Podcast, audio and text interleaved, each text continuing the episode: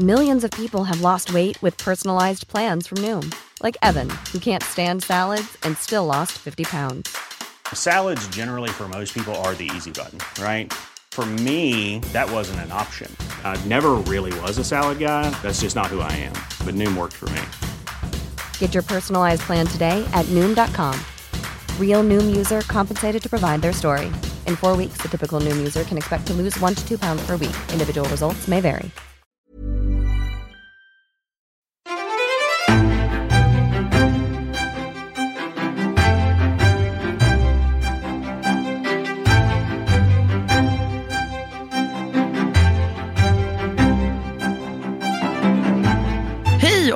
Välkomna till andra avsnittet av poddserien Varför ska vi rösta på er? Och jag som pratar heter Amanda Oxell och med mig i studion har jag Bertil Wassén. Ja, kul att vara här för andra gången. Ja, för andra gången. Det är ju lite roligt. Jag tror att det kanske låter som att jag sitter och läser ur något manus nu eftersom jag introducerade podden och mig själv på exakt samma sätt som första gången. Men det är för att jag känner att jag har hittat ett sätt som funkar nu. Jag är så bekväm med det. Kan jag köra det introt i alla andra avsnitt också? Eller kommer, det, kommer du motsätta dig det Bertil? Ja, jag kan eventuellt ha lite åsikter om det. för du har ju aldrig åsikter om någonting annars. Så att, Mm. eh, Nej, men jag tror att vi är rätt duktiga på det båda två. vad menar du? Jag, är ju, jag, jag tycker väl aldrig någonting om någon. Ja. Men du, berätta lite, vad är det vi ska lyssna på nu? Idag eh, så ska vi lyssna på ett eh, samtal med Liberalernas eh, nytillträdde partiledare Johan Persson. Och Eh, han ska få prata om eh, partiets eh, jämställdhetspolitik och ge liksom, sin bild av, eller sin bild, men han ska få ge deras verklighetsbeskrivning som egentligen jämställdhetspolitiken grundar sig i. Kommer prata om väldigt, väldigt mycket. Det blir ett, jag tycker bara på förhand att så här, det är ett behagligt samtal att lyssna på, om man kan säga så. Vi, vi är glada att, att Johan ställde upp, för att han hade ju varit partiledare väldigt kort tid när vi genomförde den här intervjun. Och sanningen är ju att vi egentligen skulle intervjua Nyamko Sabuni och det skulle vi göra måndagen, jag tror att det var måndag morgon efter, ja, nu ska vi se, presskonferensen var på fredag vid 12 tror jag Ja. och, och vi hade intervjun på måndag morgon eh, efter helgen där. Ja. Du, du satt ju och kollade på presskonferensen live. Det, det kan jag säga, det, det, det gjorde inte jag. Jag var på ett, Du var eh, på ett bröllop? Ja, jag var på- jag var på ett bröllop uppe i Sälen eh, och stod och, jag stod och snackade med en, Eh, en killkompis på bröllopsgäst eh, då. Som han sa att han var jättepartysugen. Liksom, och jag sa det att nej, jag är tvungen att hålla igen lite. Jag kan inte dra liksom, eh, dubbelshotsen klockan, eh, klockan tre för att jag har en partiledarintervju på, alltså, eh, tidigt på måndag.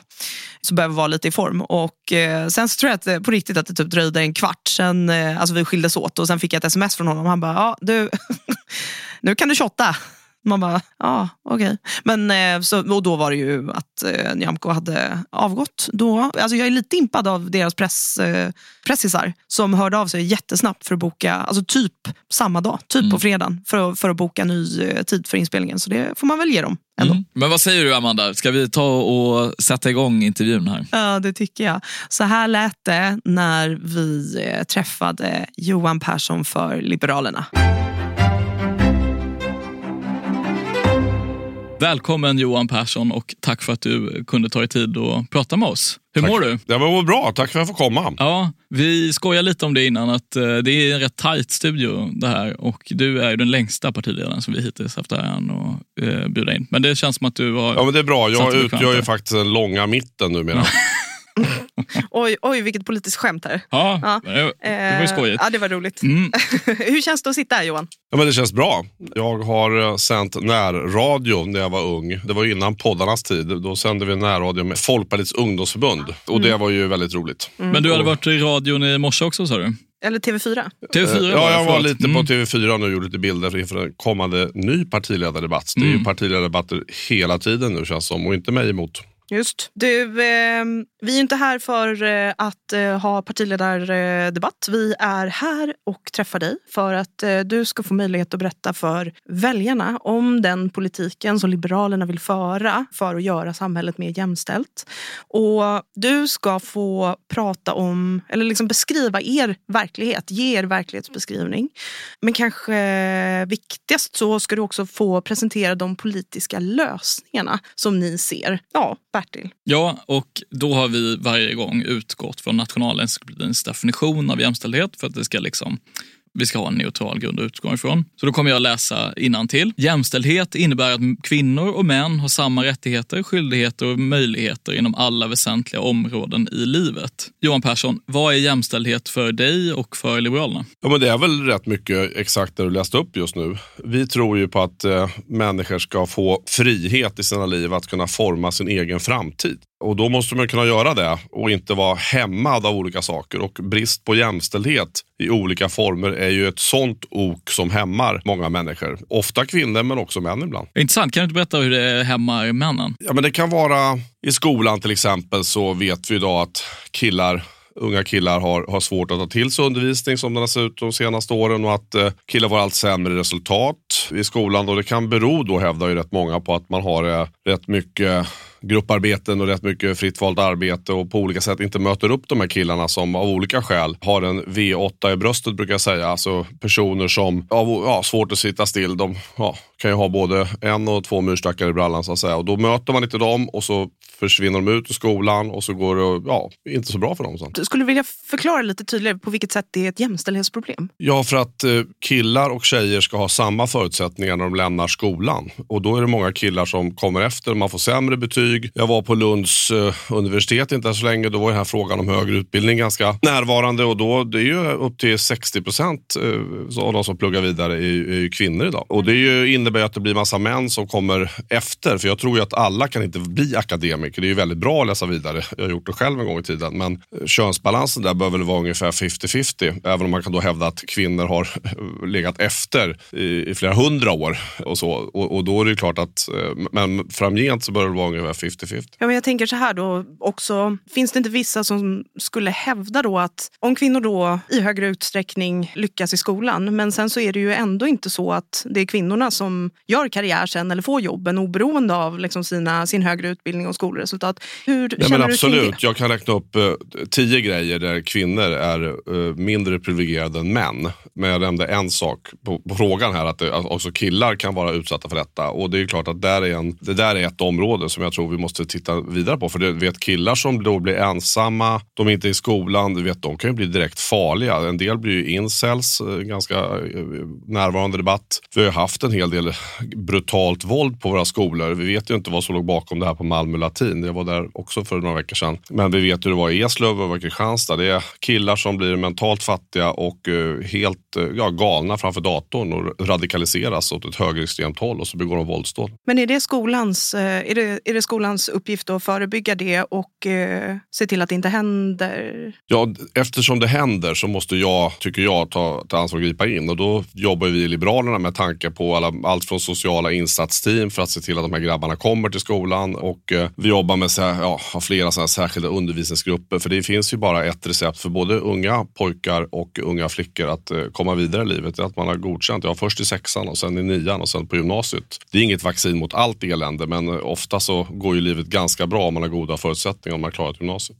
En sak som jag också funderar på, bara lite snabbt om vi stannar med liksom det vid, vid, skolan. Så på vilket sätt fångar man upp de här eh, killarna då? Och hur kommer det sig att flickor inte har den samma utmaning? Är det, menar du att skolan är formad för att gynna flickor och att den behöver formas om? Eller? Eh, men det har väl blivit så. Jag tror att den gammaldags traditionella lärarledda ut, undervisningen var mera, den, det var lättare för många killar som kunde vara stökiga att eh, ja, få någonting gjort överhuvudtaget. Sen ändrade det där, inte minst ja, ungefär när jag började gymnasiet någon gång, så blev det mer grupparbeten och idag är det ganska abstrakta saker som pågår för, för, för, unga personer även i grundskolan. Och en del killar är inte mogna för det, för det är ju allmänt känt att killar är ju ja, konstiga tills någon gång i 25-årsåldern. En del är konstiga hela livet tyvärr. Ja, men det finns ju massa konstiga tjejer också om man ska vara helt ärlig. Ja, men alltså, alltså man mognar, det är ju det jag är ute efter. Liksom. Ja. Det är ju... Men alla unga tjejer är inte mogna heller, tänker jag. Alltså, Nej, men det, tjejer det... har en större förmåga att ta eget ansvar faktiskt. Jag kan notera det. Jag har, både, jag har två söner hemma, jag har två döttrar hemma. Jag kan säga att jag ser stor skillnad på det. Och det är fina ungdomar tycker jag. Alla men jag, tänk, jag tänker, finns det inte någonting i det här då att liksom, förväntningarna på pojkar och flickor och kvinnor och män, hur ser du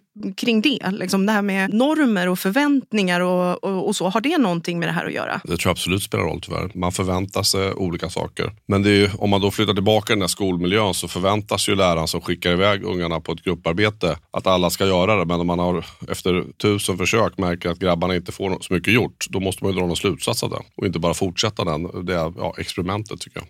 Men förväntningar är viktigt och det gäller ju på unga människor, medelålders eller på äldre. Vad är det då som är grundproblemen om vi liksom backar så som Liberalerna ser det? På vilka punkter är Sverige inte jämställt? Vi har nämnt eh, undervisningen och annat. Ja, men skolan har ju sina särskilda utmaningar brett. Men det är alltså kulturellt så har vi ändå ganska ja, betydande problem tycker jag med hederskulturen. Det, det var ju så att i Sverige så hade vi ju brist på jämställdhet och sen skedde det inte minst en liberal kamp för detta. Och det är ju hundra år sedan nu som vi praktiskt firar demokrati med kvinnor i riksdagen. Men vi ser ju den här så kallade hederskulturen ha ett ganska starkt grepp om både pojkar och flickor. Men det är i regel till att männen ska bestämma kan jag säga. Och den här medeltida företeelsen har ju begränsat dödat dödat och eh, skadat väldigt många unga människor. Så det är en ganska stark brist på jämställdhet. Och hur får man miljön. bukt med, med det då? Med de problemen? Ja, men det är väl viktigt att man då eh, bedriver offensiv eh,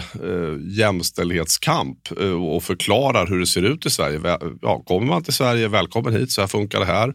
Ja, här jobbar vi, här lär oss svenska, här sköter vi oss, det vi börjar med det. Men vi lever också jämställt. Eh, I, i, I, Sverige får flickor träffa pojkar när de vill eller träffa en tjej om de vill det för den delen. Det är liksom helt okej. Okay. Så där, är väl, där, där, finns det mer att göra. Men sen är det också kriminalitet som måste bekämpas. För det är den, att vi har sett en tilltagande på de här åtta åren med den här regeringen som vi har nu så har kvinnors upplevelse av trygghet på öppen plats eh, och sina områden och där man bor, tryggheten har minskat och det är ganska allvarligt tycker jag. Ja, Johan, jag kanske missuppfattar nu, men kopplar du ihop det här med tryggheten med hederskulturen eller är det en, en ja, men jag, annan jag, men Hederskultur begränsar livet eh, för många unga människor, inte minst kvinnor. Allmän brottslighet, män som förtrycker kvinnor, en man som förtrycker kvin en kvinna, är ju också ett stort samhällsproblem. Och det har ju inte med heder att göra. Det har ju med att vissa män har enorma problem med sin manlighet, eller vad man ska kalla det, med sin kriminalitet. Så det är ju också någonting som man måste möta men ta andelen sexualbrott som inte utreds eller kvinnor har svårt att få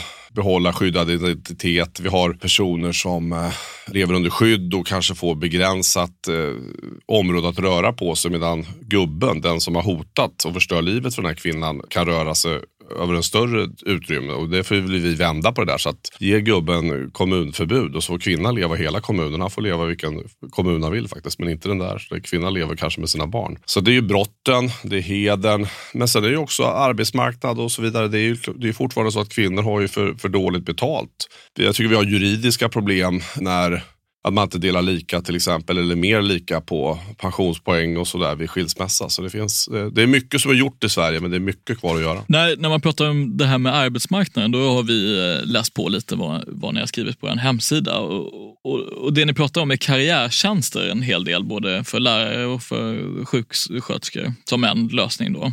Kan du inte först berätta vad karriärtjänster är för någonting? Ja, men det är ju för att se till att man kan få upp äh, lönenivåerna för duktiga kvinnor och män som jobbar i i skolan och jobbar inom sjukvården. Och eh, Det är ju verksamheter, det låter ju inte så på den allmänna debatten, men det är ju huvudsak kommunalt eh, driven verksamhet eller mm. regionalt om det är sjukvården. Eh, och där tycker vi att man måste se till att det också lönar sig att vara duktig och ligga i framkant och ta mer ansvar eller specialisera sig i, i de här Men vad innebär det för någonting? Kan du inte beskriva Ja, det innebär att du kan få högre lön om du blir specialistsjuksköterska eller om du blir chef för en, en enhet. Så att man kan liksom se till att man får mera pengar i plånboken. Det är ganska viktigt tycker jag. För ekono, ekonomi är nämligen makt. Ekonomi är makt. Mm, ekonomi, makt. Men, men är det inte så att eh, när det gäller till exempel sjukvården att det är ett problem att hela branscher har låg lön? Att eh, bara för att det är några enstaka skulle välja att utbilda sig. Alltså att kvinnodominerade branscher har, har lägre löner. Jo, absolut. Ofta är, det kopplat till eh, offentlig sektor om vi pratar om skolan. Nu har ju skolan gjort en resa för lärare och den behöver fortsätta. Och vad gäller mångfalden i att det finns eh, till exempel privata sjukhus eller vårdcentraler har gjort att också kvinnor har en alternativ arbetsmarknad medan män alltid haft det för man har kanske jobbat i industrin. Och då är det ju tack och lov vill jag understryka privata duktiga svenska företag som skapar välstånd i det här landet och rejäla skatteintäkter. Och så att det är ju mångfalden i den offentliga sektorn, att det finns privata eh, vårdgivare till exempel, det har ju drivit upp lönerna. Men då behöver vi bli ännu bättre. Och då är karriärtjänster är ju eh, ett sätt för oss att markera att kvinnodominerade yrken ska också man kunna tjäna lite mer pengar. Ska alla kvinnor då specialisera sig eller hur ska man göra för att få upp eh, lönerna generellt i branschen? Nej, men det, kan, det måste vara tydligt att om jag lägger ner hårt arbete, jag satsar extremt mycket av min tid och mitt fokus, jag vidareutbildar mig och jag bär ansvar och för schemaläggning och hålla ihop den här enheten, den här kliniken kanske, eller avdelningen, så då måste det tydligare betala sig. Men det skulle nog många anställda inom vården, speciellt liksom senaste, senaste åren nu under pandemin till exempel, säga att de gör. Att de, Ja, att de verkligen. jobbar till sin liksom yttersta spets. Och då kanske man kan ställa sig frågan vad mer, hur mycket mer ska de kunna jobba? Hur mycket mer ska de vilja? Hur mycket mer ska de försöka? Är det rimligt att kräva mer av dem? Alltså är det för att de, är det för att de Ja, jobbar för lite som att det de får krävs för lite mycket pengar? av alla människor på arbetsmarknaden och jag är väldigt glad att man från, ja, inte minst Liberalerna här i eh, Stockholmsregionen har sett till att de som har jobbat eh, i den offentliga sektorn har fått rejält, eh, ett rejält engångsbelopp för att visa att man har uppskattat den, det man har gjort och de har gjort på flera andra regioner också vill jag säga. Men, men grejen är att om du jobbar på en enhet du är sjuksköterska och så bestämmer att du ska bli chef, Man behöver någon som tar ansvar för den här äh, enheten. Och då ska man bli chefssjuksköterska eller man ska vara specialist. Då tycker jag det är rimligt att man får också mera betalt. Det får man ju också i den privata sektorn. Om du jobbar i, på en bank och så blir du ansvarig för eller, eh, privatmarknad på ett kontor, då får du mer betalt. Men Eh, får det är du inte det i offentlig sektor om du blir chef, mellanchef? Ja, vi tycker att man ska vara tydlig med att man har karriärtjänster. Så att det, fler ska kunna få det. Har man likadant i skolan så är det viktigt att eh, kvinnor som tar steget fram och bestämmer att man är, är ledande för den pedagogiska utvecklingen på en stor gymnasieskola, för matematiken eller för engelskan och svenskan eller vad det nu är. Och att man då får, får mera betalt för det. Det är, det är att stimulera ansvar. Det är så man bygger ett land starkt. Och att både kvinnor och män får del av det. Ni pratar också om eh, behovet av fler arbetsgivare för att man ska få upp lönerna i kvinnodominerade eh, branscher. Hur ska det hjälpa? Ja, för att mångfald berikar och enfald fördummar. Har man bara en enda arbetsgivare så då blir lika, lönerna lika. Det är ungefär som i riksdagen. Alla riksdagsledamöter samma arvode. Ja, ja, när Bertil drog den här frågan för mig innan så, så fattade jag faktiskt inte riktigt vad det innebär. Vad innebär vad, fler arbetsgivare totalt? Alltså fler arbetsgivare, vad, Ja, men om det finns flera, om jag kan byta jobb, Mm. då kan jag när jag byter jobb, det, det förekommer vill jag understryka att människor byter jobb för man kan få mer betalt. Mm. Då finns det då en eller två eller, eller sagt finns det bara en, eh, men det finns eller två eller tre arbetsgivare, då kan det bli lite, kan man få byta jobb och kan man, någon erbjuder sig att nu får du lite högre lön här. Det har man ju märkt med många sjuksyrror, eh, sjuksystrar, sjuksköterskor inte minst, som har, ja, som jag själv känner, som de har bytt arbetsgivare och fått ett högre lön. Och det kan ju vara ibland att de jobbar i, inom specialistområden där man är uthyrd. Men det kan också vara att man har bytt bara tjänst. det, handlar det om typ att det ska finnas fler pri, tror- privata aktörer inom vården? Eller vad är, det, vad är Ja, kärnan? Liksom? Ja, sen det har växt fram så har ju lönen för en sjuksköterska förbättrats. Så att säga, lönenivån på Kuba eller i Venezuela är fortsatt låg kan jag säga. För det kan man inte välja så mycket sjuk, sjukvårdsgivare. Så du jämförde regionen som arbetsgivare med den Nej. kubanska regimen? Nej, verkligen inte. Men jag jämför att det är viktigt att det finns en mångfald. Det är inte hela lösningen. Det är därför vi också har det med karriärtjänster.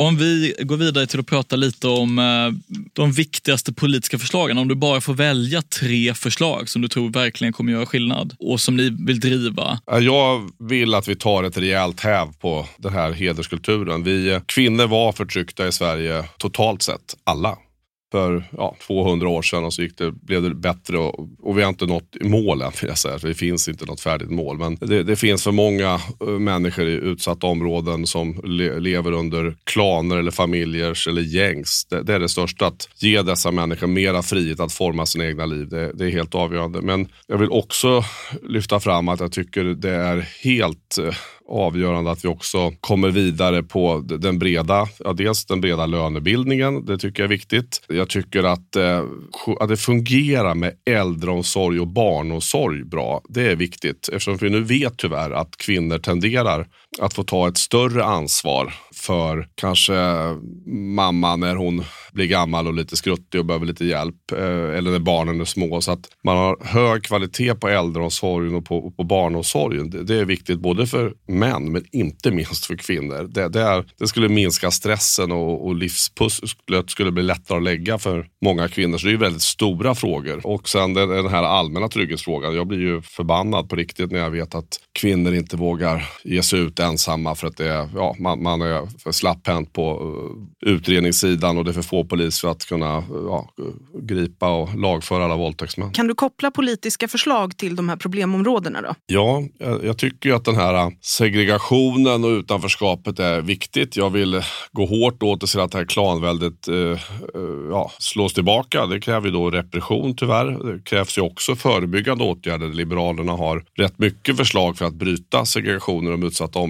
Men, kan du nämna ett? Ja, jag, jag, tycker till exempel att skolan här är helt avgörande. Att eh, man ska ha mer av särskilda undervisningsgrupper, man ska ha mer av socio, sociala insatsteam och man ska se till att man har lärare. Då var jag inne på det med karriärtjänster. Då får man betala mer. De bästa lärarna ska finnas på de skolor som har det absolut tuffast, tycker jag. Och sen när det gäller kvinnors utsatthet så tycker jag att den här, man kan förstärka skyddet vad gäller kvinnofridskränkning så att det är flera så att säga, kontrollerande beteenden på olika sätt som kvinnor kan utsättas för att, att det blir straffbart. Det är väl ett område. Och eh, Ja, det är ju givet att en satsning i varje kommun på en bra, bra barnomsorg och en bra äldreomsorg är ju, ja, det är ju väldigt få människor som är emot. Men jag kan konstatera att sånt i praktiken begränsar jämställdheten i Sverige när det inte funkar. Precis, och finns det något politiskt förslag som du kan koppla till, eh, till, den, till den biten? Ja, vi satsar ju väldigt mycket från Liberalerna på, på våra förskolor och det finns ju då en dubbel koppling där till tanken på inkludering och integration. Det, vi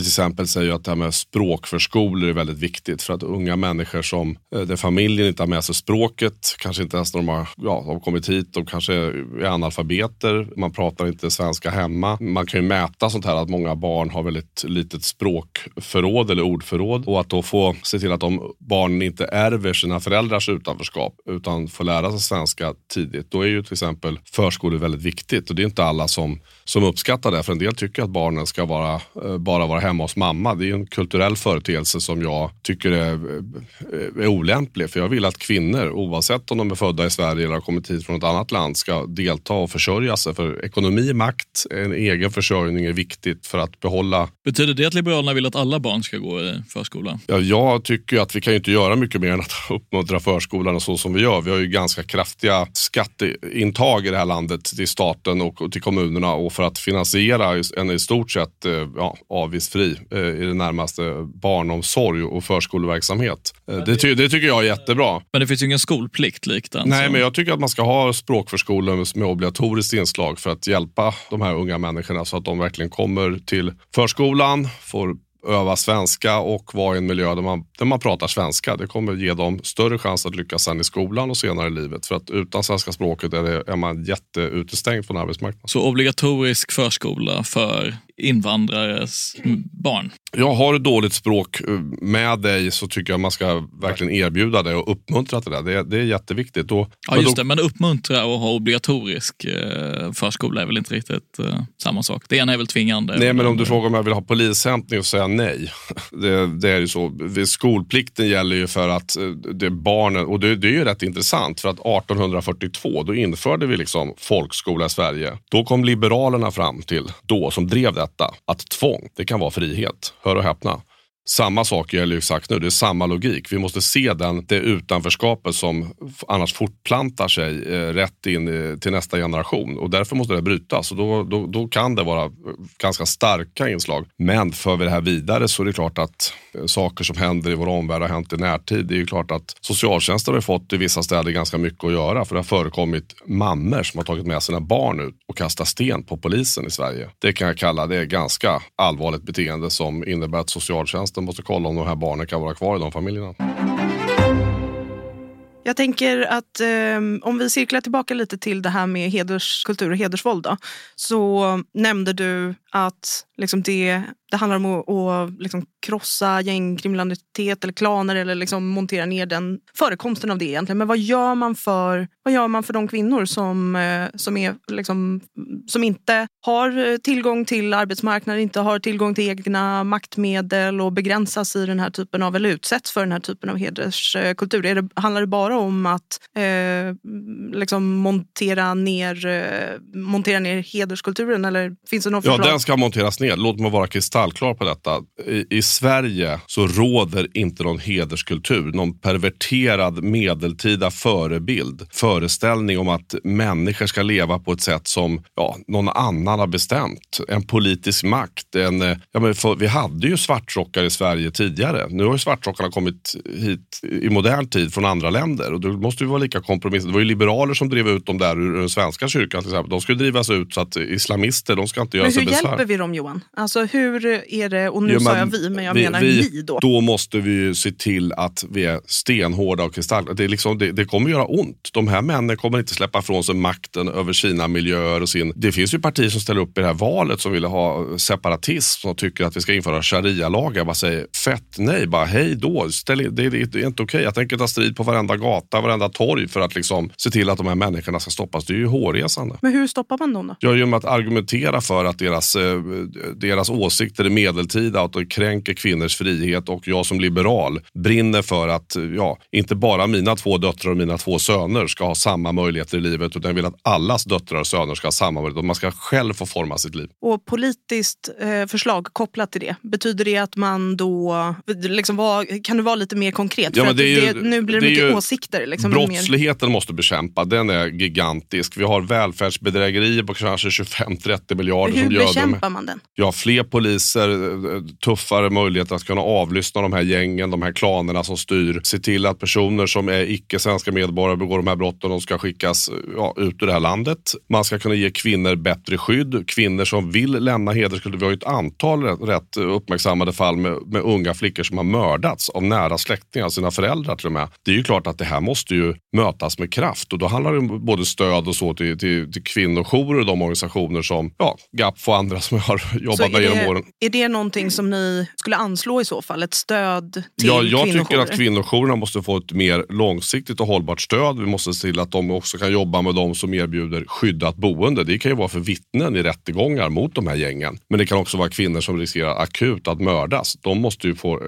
ja, chans att överleva innan vi har låst in de här, ofta männen som ägnar sig åt den här brottsligheten. Så att det är ju, det, det är ju, och, och sen, men på lång sikt så gäller det att få de här unga killarna också som annars dras in och får lära sig en perverterad mansbild, en perverterad kultur där männen ska bestämma över sina systrar och i värsta fall över sina mammor fast alla säger att det är mammorna som bestämmer men det gör de inte, det är killarna som bestämmer. Och sen över sina egna familjer på ett sätt där man berövar både killar vill jag understryka men framförallt tjejer friheten att göra viktiga egna val i livet. Och då måste man ju stödja det. Då är det ju återigen, det är jobb, det är språk, det är så man får att människor att, och så bryta segregationen. Det är klart att då, då måste man ju bygga om en, en hel del bostadsområden och så. Det är, en, det är en lång resa vi har framför oss men låt oss börja. Det, det hade varit bra om det var klart för tio år sedan men, men se till att vi börjar och förstärker det nu. Det görs ju mycket bra i många områden vill jag understryka. Jag var i, i Gårdsten här nyligen i Göteborg och det görs bra grejer där liksom, men, men det kanske görs ännu mer. Du nämnde äldreomsorgen som en viktig jämställdhetsfråga. Mm. På vilket sätt? Jo, för att när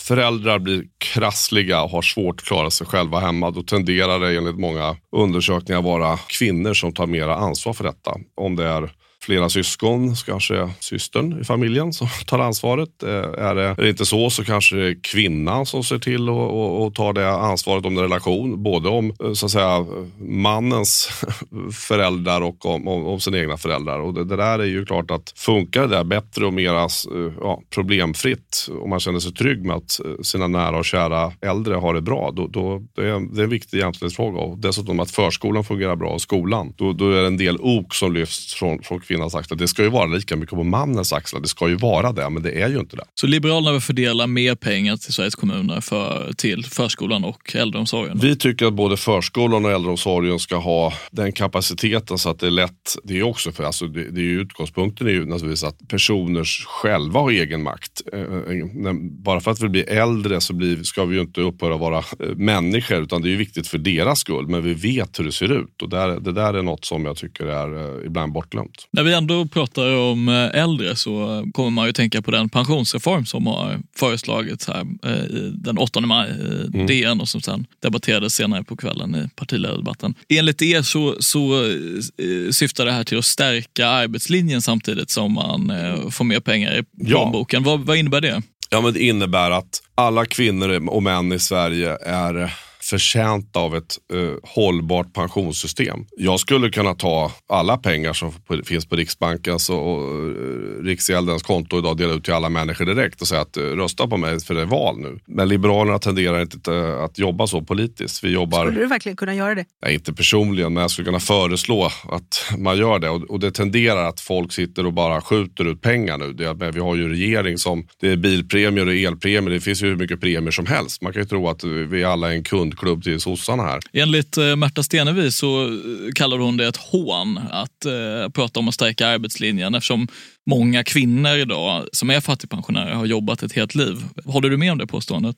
Jag tycker det är angeläget att vi stärker garantipensionen, vi stärker bostadstillägget och bostadstillägget är ju en del av det stödet vi ger till de sämst ställda. Ja, det ska man då behöva ansöka om. Ja, man får ansöka om det så får man det om, om man är berättigad till det. Men vi ska ju fokusera på de sämst ställda. Sen sänker vi skatten för alla och vi ser till att vi använder det överskott som finns i våra pensionsfonder jag tycker det är bra och det innebär också att alla kvinnor och män som har jobbat får en förstärkt pension. För det är ju inte så att maten har blivit dyrare eller bensin eller elen har blivit dyrare bara för kvinnor eller bara för män. Det har ju blivit dyrare för alla. Men man måste komma ihåg att en kvinna som har jobbat ett helt liv i hemtjänsten eller som har jobbat som eh, ja, lärare i, i, i Eslöv måste också kunna känna att, det har, att man, får, man får en bättre pension de också. Om vi nu ska förstärka situationen för alla pensionärer. För det blir ju någonting någonting som inte håller om man har samma pension om man har jobbat väldigt lite eller om man har jobbat ett helt liv. Och, och drivkraften i ett hållbart pensionssystem är att vi kan jobba lite längre eller lite mer. Då kan pensionen öka. Så att säga. Pension är ju inte så att säga, någonting som kommer från en eh, sedelpress eller från en pipeline från himlen. Det kommer ju genom att vi arbetar ihop det. Och den här tanken på, och jag, men jag förstår ju att eh, Vänsterpartiet har drivit på den här tanken för de tycker att alla ska ha samma lön när vi jobbar. Man tycker att man ska, alla ska ha samma pension när vi är pensionärer. Men vi, vi liberaler har ju en annan syn på hur, hur välstånd skapas. Det skapas aldrig av politiker. Men det finns ju ett glapp mellan kvinnor och mäns pensioner. Är det inte någonting som man, man vill försöka sluta i en, om man skulle ta ett omtag av liksom, pensionssystemet? Jag tycker att det historiskt sett så har det varit så. Det är därför som Liberalerna också driver på att vi säger att kan, man ska dela pensions, intjänade pensionspoäng mycket mer om man eh, vid en skilsmässa till exempel. Men det viktigaste vi kan göra för att vi ska ha jämställda pensioner framgent. Nu ökar vi jämställdheten för vi försämrar för de som har sämst ställt och det är ofta kvinnor. Då blir det bättre för kvinnor. Det tycker jag är bra. Sen kan man hävda att det är för lite. Man ska ja, dela ut alla pengar och alla ska vara 1000, 2000, 3000, 4000. Men det är klart, det är ju ännu bättre tycker folk. Men det är ju, den överbudspolitiken är ju inte riktigt eh, seriös menar jag. Däremot så är det ju att kvinnor idag jobbar. Det är ju därför vi, jag pratade om det här förut med fungerande förskola, fungerande skola, fungerande äldreomsorg. Det gör att kvinnor kan jobba mera. Jag tycker det är viktigt att vi har en, en familjepolitik som gör att eh, både män och kvinnor eh, uppmuntras att ta ansvar så att eh, kvinnor får en stark förankring på arbetsmarknaden. Det spelar ju inte bara roll hur föräldrapenningen tas ut. Det handlar ju om till exempel med vab och så, vård av barn. Och att det, hela den vägen så ska man uppmuntra kvinnor att arbeta. För det skapar frihet nu och det skapar frihet i framtiden. Arbete är, är, är så att säga vägen till egenmakt och en starkare egen ekonomi. Men handlar det, handlar det då, kan man säga att det handlar om att kvinnor helt enkelt inte är tillräckligt drivna och att det är därför de inte har samma lön som män. Eller samma, att, Det tror jag inte. Eh, men blir inte det lite kontentan av vad du just sa? Om man, måste bygga, man bygger en politik på att man måste uppmuntra kvinnor att eh, bli en del av arbetsmarknaden i högre utsträckning. Då signalerar man väl någonstans att det är, är inte det kontentan? Nej, jag tycker bara att om man lever i en, en miljö där man förväntas skaffa jättemycket barn och det kvinnor föder ju för det mesta barn. Och det är klart att då innebär det att en kvinna kommer väldigt långt från arbetsmarknaden. Jag håller helt med. Det var väl just Märta Stenevi som jag har stort utbyte av att debattera med som föreslog att vi skulle föra in mer av eh, barnbegränsning i de miljöer där människor tenderar att skaffa väldigt, väldigt många barn. Långt tillbaka i tiden, bara min,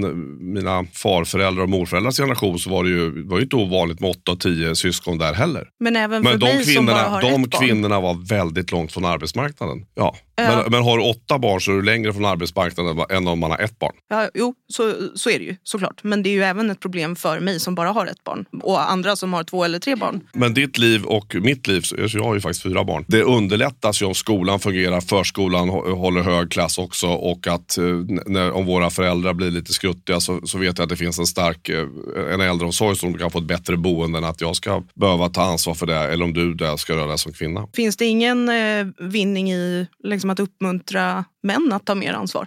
Jo, Liberalerna har drivit igenom både en, och två och tre pappamånader. Jag tycker det är utmärkt. Män och kvinnor skaffar barn. Det är inte kvinnor som skaffar barn.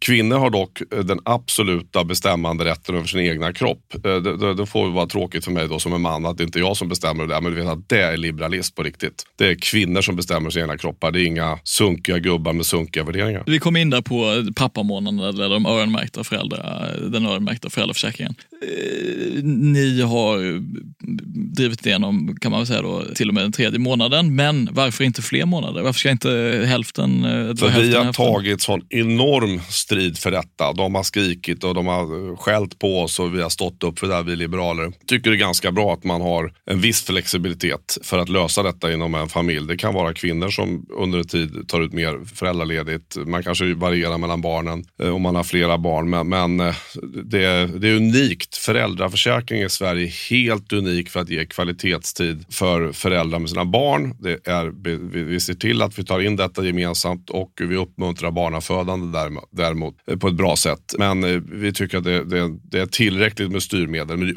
Och det är ju inget konstigt för vi, man, får ju, man har ju rätt eh, till andra förmåner i Sverige. Det är semesterlagar och annat och det får man ju inte ta ut hur som man vill heller. Ni har ett förslag på en ny föräldraförsäkringsmodell. Jag läser till här. Vi vill införa en modell där familjen kan välja mellan kortare föräldraförsäkring med fullt inkomstskydd eller längre försäkring med lägre ersättning. Det skulle leda till att fler kvinnor går tillbaka tidigare till jobbet, vilket ökar jämställdheten. Kan du berätta lite mer om det? Jo, men vi eh, brinner ju för frihet hos Liberalerna. Men det, som jag nu sa, oavsett om det gällde folkskolans införande, det många sa att det var tvång. Ja, men det var ju till för frihet. Och jag pratade om språkförskolor förut, så är det ju samma sak här. Att man ska kunna välja att ta ut eh, föräldrapenningen, stödet till föräldrarna under en kortare tid, men då ha en högre ersättning eh, än så som det är idag. För idag har man ju då dels de- månaderna som man har en viss ersättning och så har man garantidagarna garantidagarna. Man ska kunna komprimera detta. För det är ju så att man som förälder kan också gå tillbaka till ett arbete. Det är ganska många länder så, så föds det ju faktiskt barn och alla de barnen blir ju, blir ju inte förvildade bara för att de eh, så att säga, kommer till en annan till,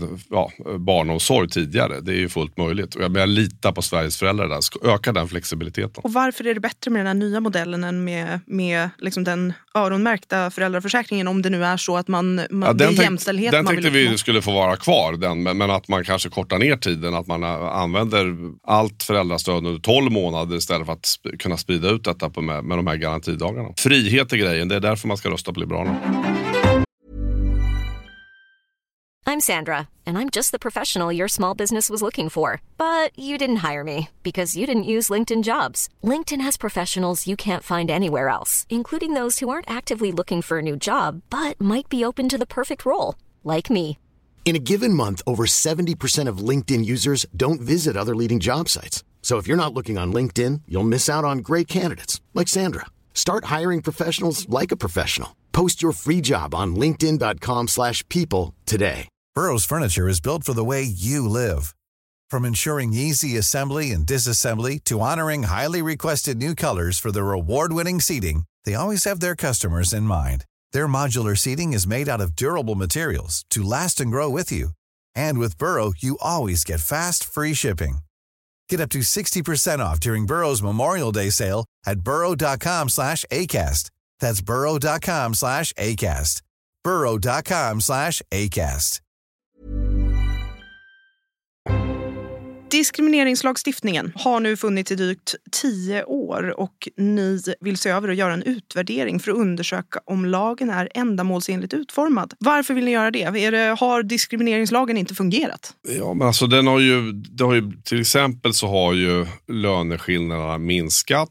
Det kvinnliga eh, deltagandet i näringslivet ökat. Men vi tycker att det kanske borde tittas på om man kan få mera kraft i detta. Och då tror jag att eh, man ska, ja, man måste utvärdera det man gör hela tiden. Har det här varit rätt? För att hör och häpna, politiker fattar fel beslut ibland och effekterna blir inte de man önskar. Liberalerna eh, beskriver sig själva som liberala feminister. Räcker det inte bara att vara feminist? Vad är det man vill säga om man... Nej, men jag är eh, feminist. Jag är dock medlem i Liberalerna. Men, men när man är liberal feminist så det som åsyftas är ju att vi ju inte, vi, vi tror ju att kvinnor ska ha makt över sina egna liv. Kvinnor ska ha möjlighet att kunna påverka vad man vill göra av sitt liv. Och då när man är liberal så är ju den tanken att när man har livschanser, och vi är ju sådana, vi, vi säger att ge människor goda livschanser, men ursäkta, men du måste ju leva livet själv. Du måste ju ta ansvar för din egen utbildning. Du måste ju ta ansvar för att du sköter det. Du måste ju ta ansvar för att du jobbar. Jag kan ju inte liksom följa människor när de har blivit vuxna hela livet. Då, då får man ju rösta på ett annat parti. Det finns ju socialistiska partier. Då kan man rösta på ett sånt. Eh, om man tror att det är samhällsmodellen. Och då gäller det också kvinnor. Så att kvinnor har ett, alltid ett eget ansvar och det ska uppmuntras. Och eh, till exempel om man, om man nu tycker det är viktigt att, och, och vill göra, vidareutbilda sig, eh,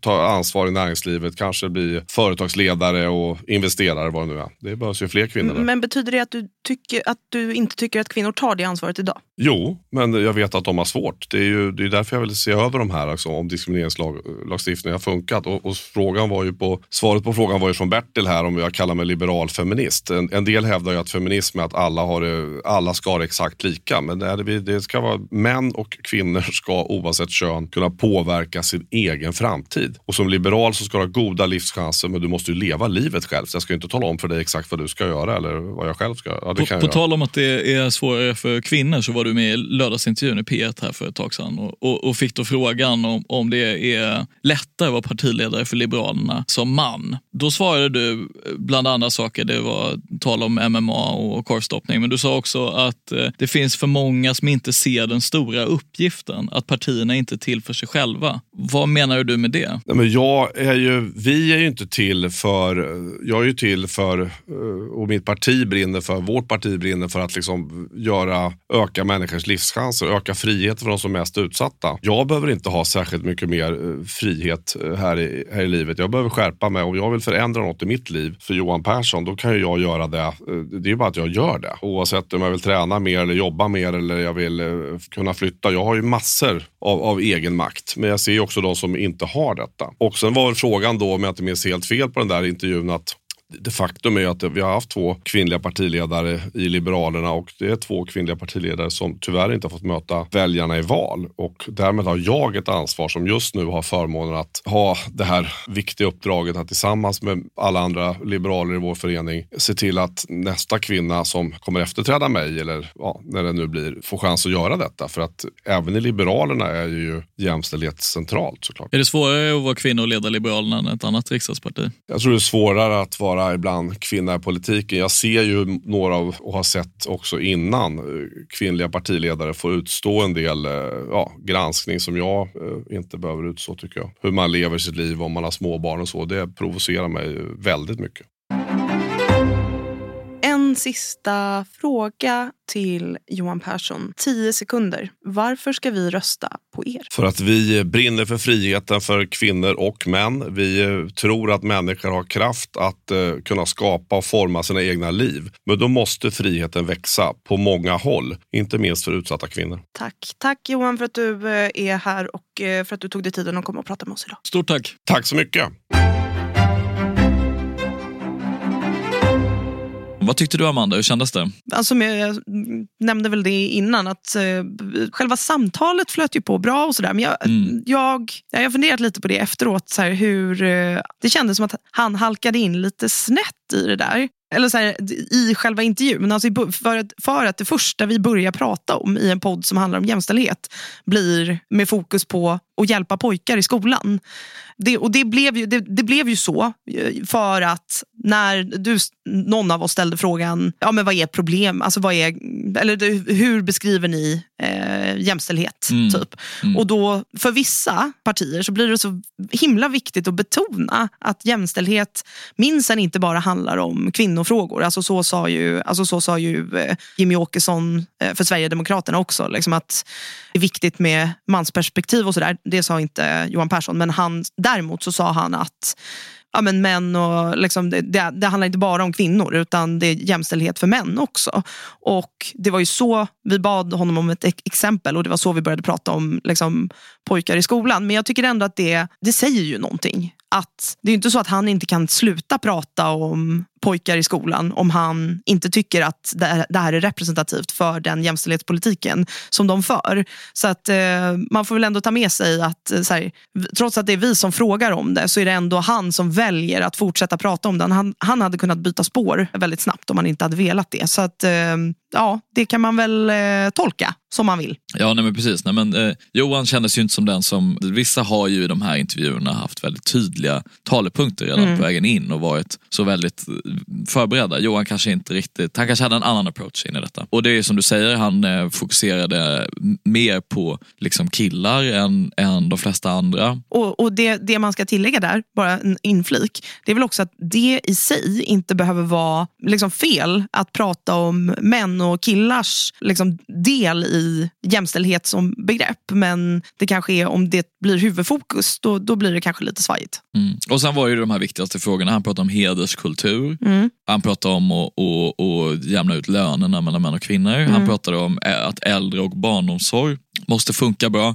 Och sen så pratade han också om trygghet. Och då hade de ju lite förslag kopplade till det. Exakt, de hade lite förslag kopplade till det men som ändå inte var så super, alltså, supertydliga förslag tyckte jag. Eh, Ja, jag tyckte det var intressant, en grej som ändå kontroversiellt sett i sammanhanget i alla fall, det är det här med att han lyfter vikten av fler privata aktörer inom kvinnodominerade branscher som liksom en lösning på att få upp lönerna. Och, och det är ju eh, liksom en motsats till vad till exempel Märta Stenevi säger när vi intervjuar henne. Ja, men, eh, men i likhet med vad till exempel Ebba Busch kommer säga när vi intervjuar henne, kan ju tilläggas. Ja, man märker i alla fall en, liksom en ideologisk skillnad där i hur man tänker att löner drivs upp liksom, som, som ändå är intressant. Och så. Ja, precis. För det som, när du säger det med Märta Stenevi så resonerar ju hon, eh, ni har inte hört den intervjun ännu, men hon resonerar ju som så att politiken är en form av arbetsgivare i det offentliga och kan därför verka för att driva upp löner i alltså offentliga välfärden.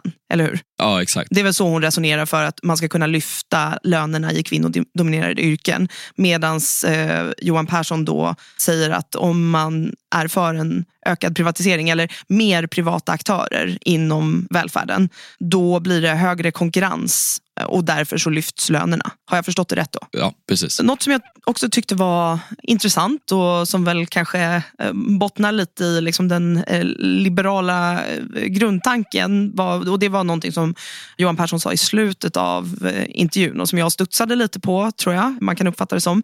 Han eh, pratade om att eh, alla har ett ansvar för sina liv och liksom att eh, ta sig framåt och uppåt och, och sådär.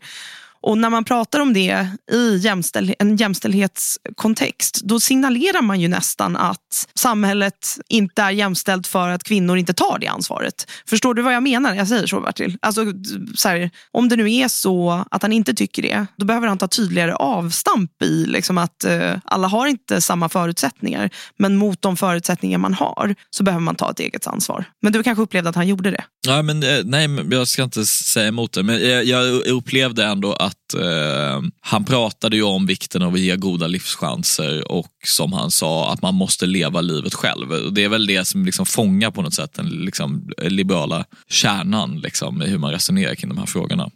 Och hur man resonerar i största allmänhet tror jag. Ja, men det är intressant det där. Ja, Amanda, har du några avslutande reflektioner kring det här samtalet? Jag tyckte väl kanske inte att Johan Persson bottnade så väl i det här samtalet.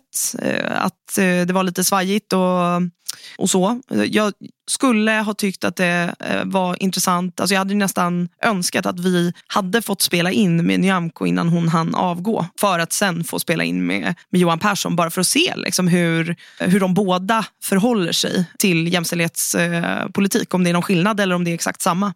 Och vad det i så fall säger om partiets eh, riktning. Liksom. Mm. Och det har ju också varit roligt att, att vi intervjuat inte bara honom utan också den andra socialliberala partiledaren Annie Lööf. Så kommer ni få höra här om ett par veckor skillnaden i hur två liberala politiker resonerar kring samma frågor. Precis, och då, vi kommer göra vårt bästa för att försöka lyfta det i det eftersnacket då. Så att det blir lite tydligare, eller så att det blir tydligt för alla som lyssnar. Stort tack för att ni har lyssnat på dagens avsnitt och eh, nästa vecka så kommer ni att kunna höra Märta Stenevi, språkrör för Miljöpartiet. som kommer att prata om deras jämställdhetspolitik. Tack till er som har lyssnat idag och eh, tack till Bertil Wassén. Och tack till dig Amanda Oxell.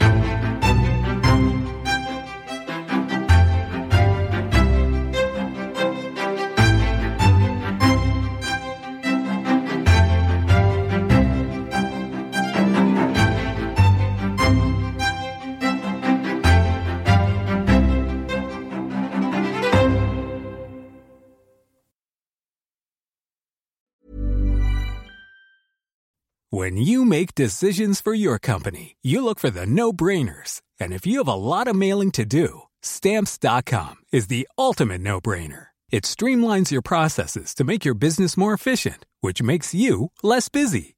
Mail checks, invoices, legal documents, and everything you need to keep your business running with stamps.com.